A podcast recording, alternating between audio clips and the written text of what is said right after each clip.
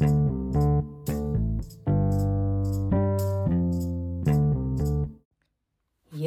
een nieuwe aflevering van IT Leadership Podcast. Uh, ik ben Melissa Marijnen. Stel, je hebt dit nooit beluisterd. Je bent niet een van de, nou, het is het 30, 40, 50 mensen die dit luistert. Um, ja, dan uh, weet je in ieder geval wie ik ben. Ik heet Melissa Marijnen en ik ben IT Leadership Coach. Die term heb ik helemaal zelf bedacht.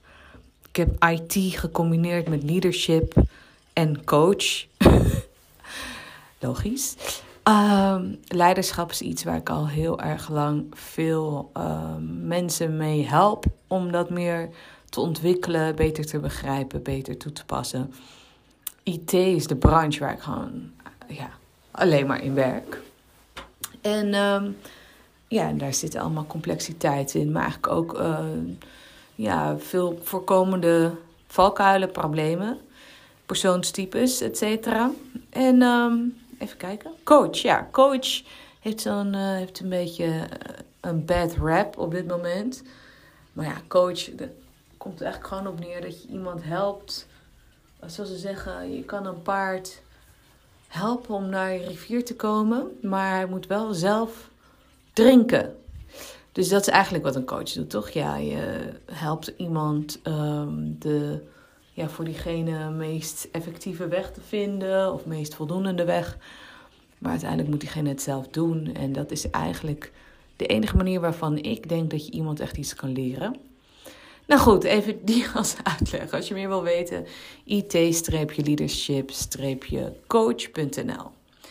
Wat ik vandaag wil doen, is dat ik uh, eigenlijk een e-mail die ik heb ontvangen van een oud deelnemer van een van mijn programma's. Die heb ik vandaag gekregen. En um, die, ja, dat is eigenlijk gewoon een hartstikke mooie vraag die ik kan behandelen. Dus we hebben denk ik in januari het leiderschapsprogramma waar hij aan meedeed afgerond.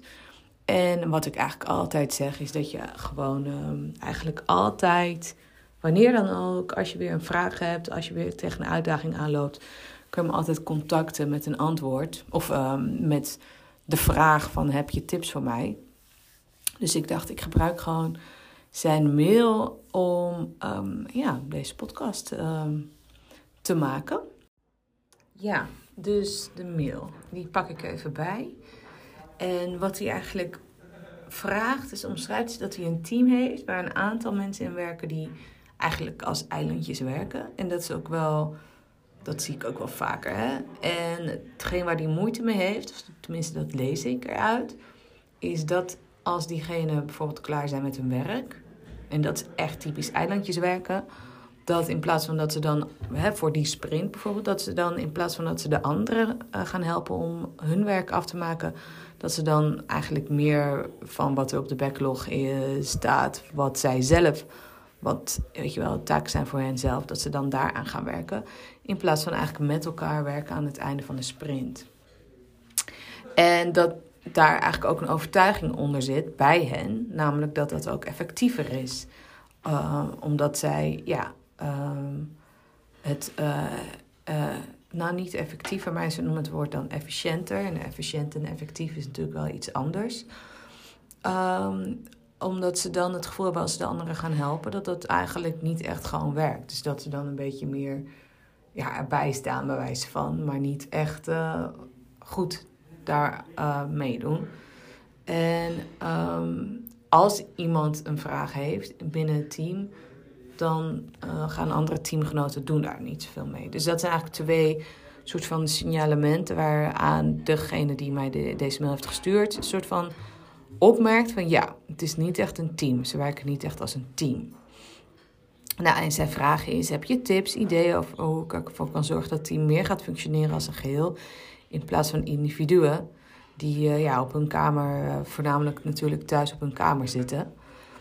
Nou ja, um, nou, dat is natuurlijk al een omstandigheid die, die best wel lastig is. Hè? Dus als je heel veel thuis werkt, kom je ook meer in een soort van solo mindset terecht. En dat is ook wel echt een van de grootste uitdagingen op dit moment. Dat het eilandjes werken, die mindset van hè, ik doe gewoon mijn ding. Ik doe gewoon mijn takenlijstje en that's it. Ik werk helemaal niet als team. Ja, dat is eigenlijk nu alleen maar, wordt het alleen maar gestimuleerd door dat grote thuiswerken. En ja, je hoort nu zoveel discussie op werkplekken rondom dus een soort van strijd tussen developers en managers. Dit hoor ik echt ontzettend vaak. Dat de directie of uh, ja, management heeft bedacht. Ja, ik vind dat iedereen weer twee, drie dagen in de week op kantoor moet. En dat developers, ontwikkelaars zoiets hebben van: nou, wat een onzin, want nu zijn we heel effectief of efficiënt. En uh, ja, dan wordt me, weet je, ik weet niet of ik dan nog wel hier wil blijven. Niet dat dat nu in de, aan, niet dat dat in dit verhaal aan de hand is hoor, helemaal niet. Dus ik wijk een beetje af van de, van de vraag. Maar uh, ik begrijp weet je wel heel goed dat je als manager of directie zoiets hebt van: ach, uh, please, kom ook gewoon samen in een ruimte en zie elkaar en praat met elkaar. En uh, uh, leer eigenlijk gewoon weer werken op kantoor. Want weet je wel, dat zijn misschien verleerd. En dat vergt misschien wat tijd. Maar alsjeblieft, zorg ook weer voor die teambuilding. Of teambuilding. Ja, gewoon cohesie intern. Dat je, dus als een hulpvraag wordt gesteld, dat dat niet via Slack of Teams of weet ik veel wat. Maar dat je gewoon eventjes, hé, hey, uh, hoe heb jij dat gefixt? Roept, weet je wel, naar de overkant van je tafel.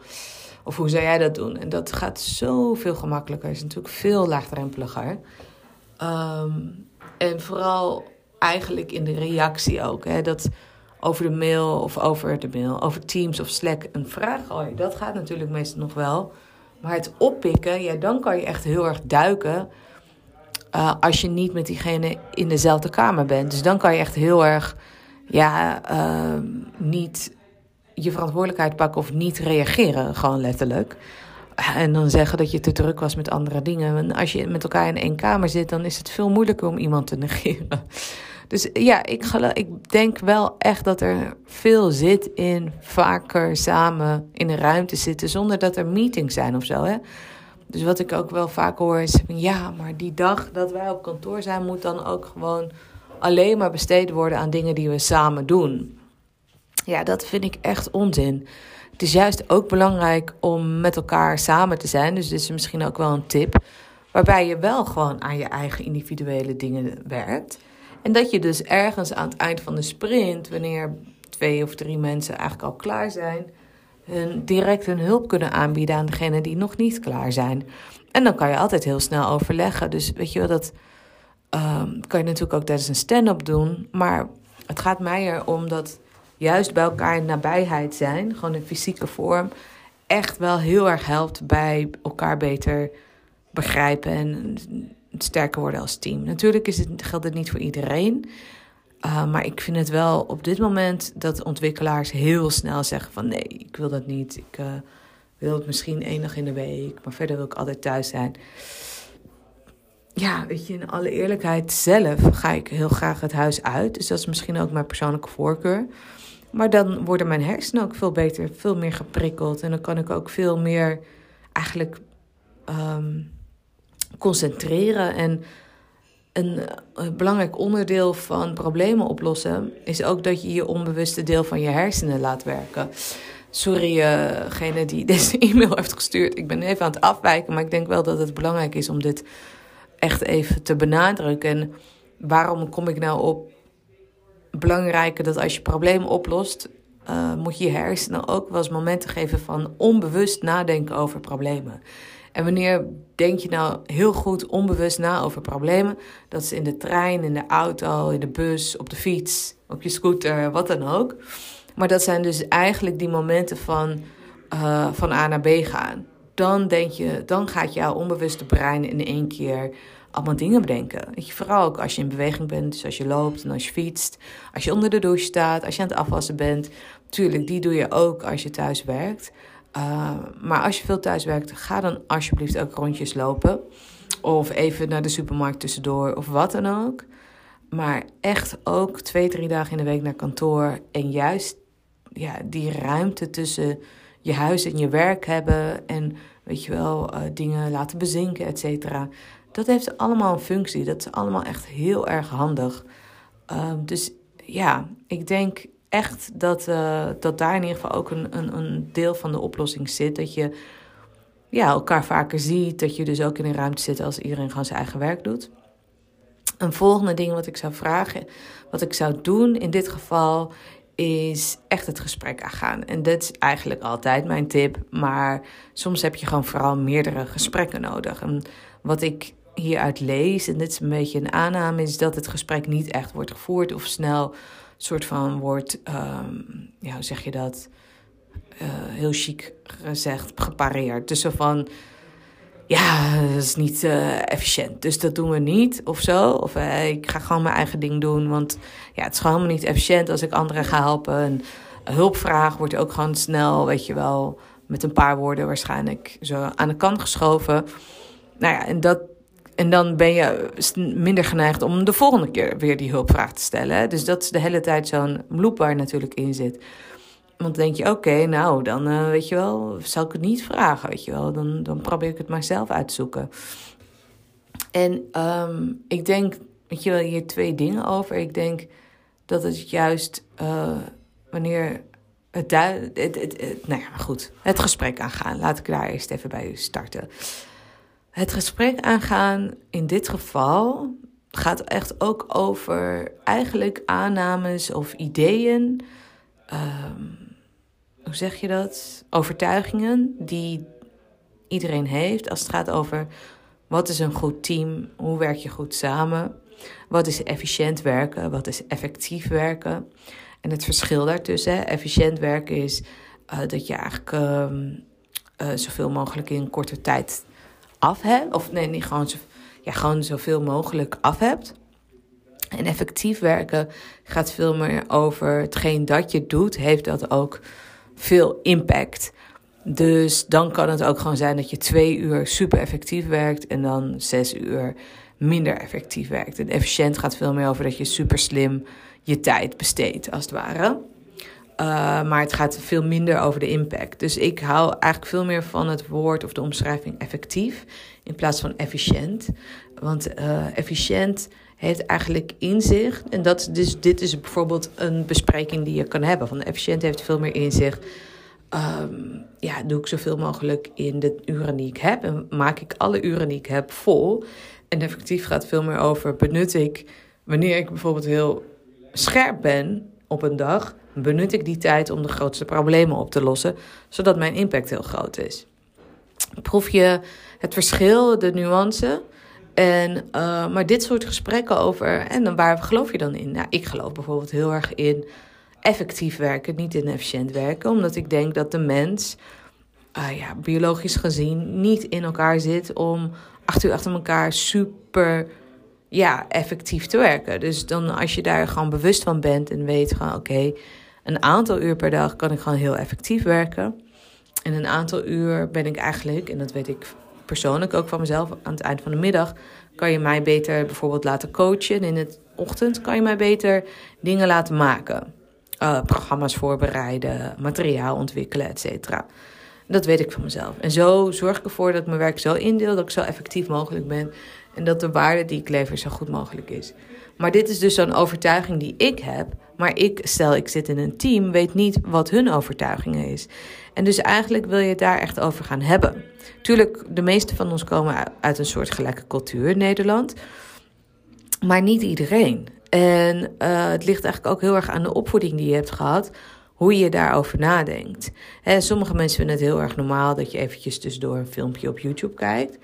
Uh, andere mensen die vinden dat gewoon echt absoluut niet kunnen. Maar dat soort dingen wil je eigenlijk gewoon echt bespreken met elkaar.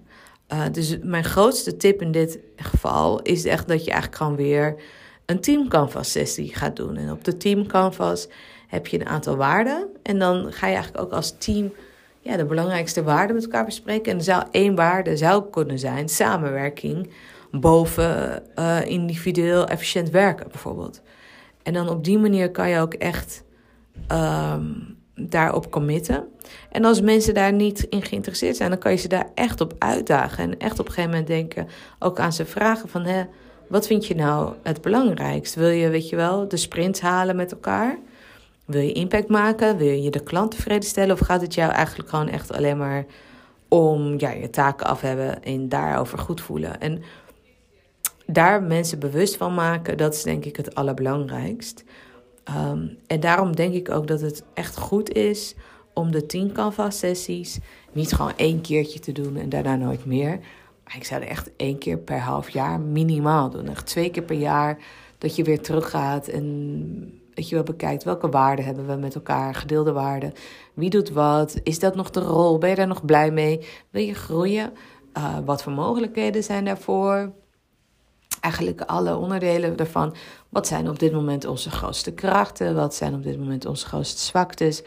Uh, hoe gaan we die krachten meer benutten? Hoe gaan we die zwaktes eigenlijk uh, ja, op de een of andere manier oplossen? En dat, dat gesprek wil je echt aangaan. Dus ik zou um, als tip vooral meegeven: doe een team canvas sessie. Maak daar tijd voor. Spendeer echt tijd om je team effectiever te maken. En het, kan, hoeft, niet, het hoeft niet een team canvas sessie zijn. Het kan ook gewoon een sessie zijn waarbij je bespreekt van hey, uh, hoe kijken we naar team performance? Gewoon, je kan ook een hele simpele van hè, uh, doing, uh, not, stop, start en start, start, stop en continue. Sorry.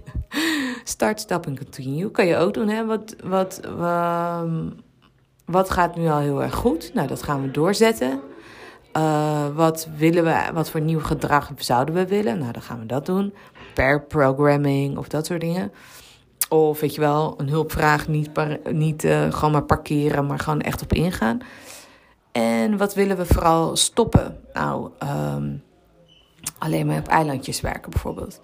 En uh, ja, dat zou natuurlijk een hele grote discussie kunnen worden.